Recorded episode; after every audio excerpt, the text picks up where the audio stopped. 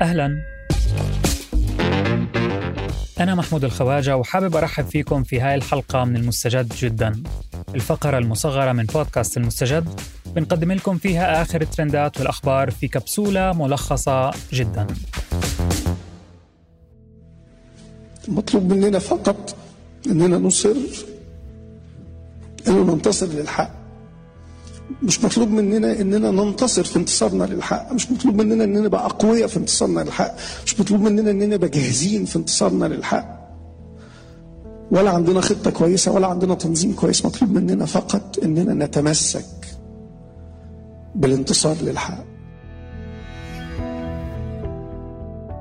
لو الواحد بيتمنى الموت يبقى الإضراب مش نضال. لو الواحد متمسك بالحياة بس كغريزة يبقى ملوش لازمة النضال. لو الواحد بيأجل الموت خجلان من دمع أمه فقط يبقى بيقلل احتمالات النصر. النهاردة آخر يوم هشرب فيه مشاريب ساخنة. أو تحديدا يعني بكرة الثلاثاء 1 نوفمبر هشرب آخر كوباية شاي في القصر قبل فتح النور. وبعد خمس أيام بالظبط مع فتح نور يوم الأحد 6 نوفمبر هشرب آخر كوباية مية. بعد كده في علم الغيب. هاد جزء من آخر جواب كتبه المدون والمبرمج والناشط الحقوقي المصري علاء عبد الفتاح. علاء كان من ثوار سنة 2011 وبسبب بعض مواقفه السياسية انحبس كذا مرة من وقتها لحد اليوم. الحقيقة أنه علاء بيتعرض للاعتقالات من سنة 2006 بعد وقفة احتجاجية بتنادي باستقلال القضاء المصري. ما في نظام مصري حديث سابه في حاله. اعتقل في عهد المجلس العسكري وفي فترة حكم محمد مرسي واليوم. خلونا نحكي عن آخر هاي الاعتقالات بالتفصيل.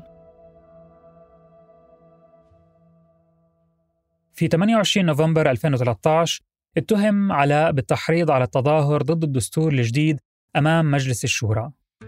في 23 فبراير 2015 أصدرت المحكمة حكمها عليه بالسجن لمدة خمس سنوات بتهم التظاهر بدون تصريح. وبعد ما كمل الخمس سنوات أفرج عنه بشرط أنه يقضي 12 ساعة حر و12 ساعة في القسم كل يوم لمدة خمس سنوات بس هذا الحكم ما كمل تماما وتم اعتقاله مرة ثانية وسط حملة اعتقالات واسعة بتاريخ 29 سبتمبر 2019 بتهمة نشر أخبار كاذبة والانضمام لجماعة إرهابية.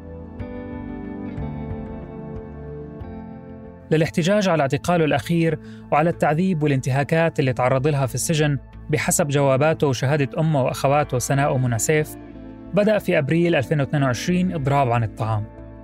وصار له من وقتها عايش بأقل من 100 سعرة حرارية باليوم.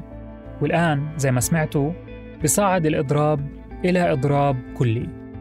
علاء طالب زيارة من القنصلية البريطانية كونه بريطاني مصري.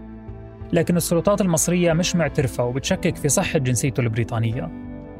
وزير الخارجية المصري سامح شكري صرح إنه علاء عبد الفتاح ما استكمل شروط الحصول على جنسية أجنبية. زيادة على هيك السلطات المصرية بتنفي أصلاً إنه علاء مضرب عن الطعام.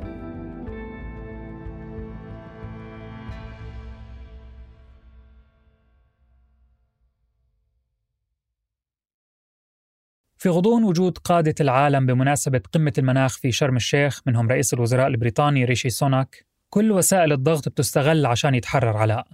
من إضرابات عن الطعام في نقابة الصحفيين لهاشتاجات واحتجاجات ومطالبات من مؤسسات حقوقية مختلفة بإطلاق سراحه.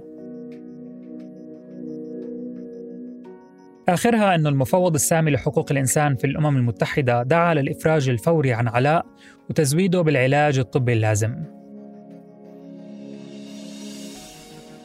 بحسب تقرير من شبكة سي إن إن قال متحدث باسم الحكومة البريطانية أن رئيس الوزراء ريشي سوناك تحدث في القضية خلال لقائه بالرئيس المصري عبد الفتاح السيسي.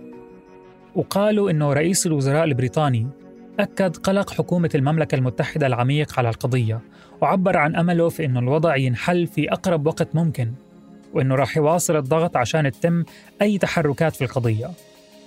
وأخيرا إن الحكومة تعمل جاهدة لتأمين إطلاق سراح علاء عبد الفتاح من السجن. في آخر التطورات منى سيف أخت علاء كانت مستنية جواب ثاني من علاء يوم الاثنين الموافق 7 نوفمبر، لكن السلطات قالت إنه علاء رافض يكتب أو يسلم جواب. ما في طريقة لإثبات صحة الكلام أو لمعرفة ليش علاء ماخذ هذا القرار. سناء سيف أخت علاء برضو حاليا في شرم الشيخ.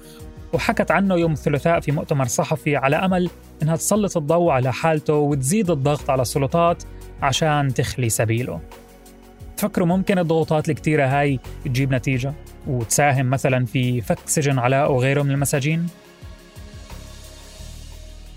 ما تنسوا تتابعونا على المستجد جدا كل يوم أربعاء عشان تعرفوا شو في جديد في الترندات أما المستجد العادي فحيكون معاكم يوم الأحد.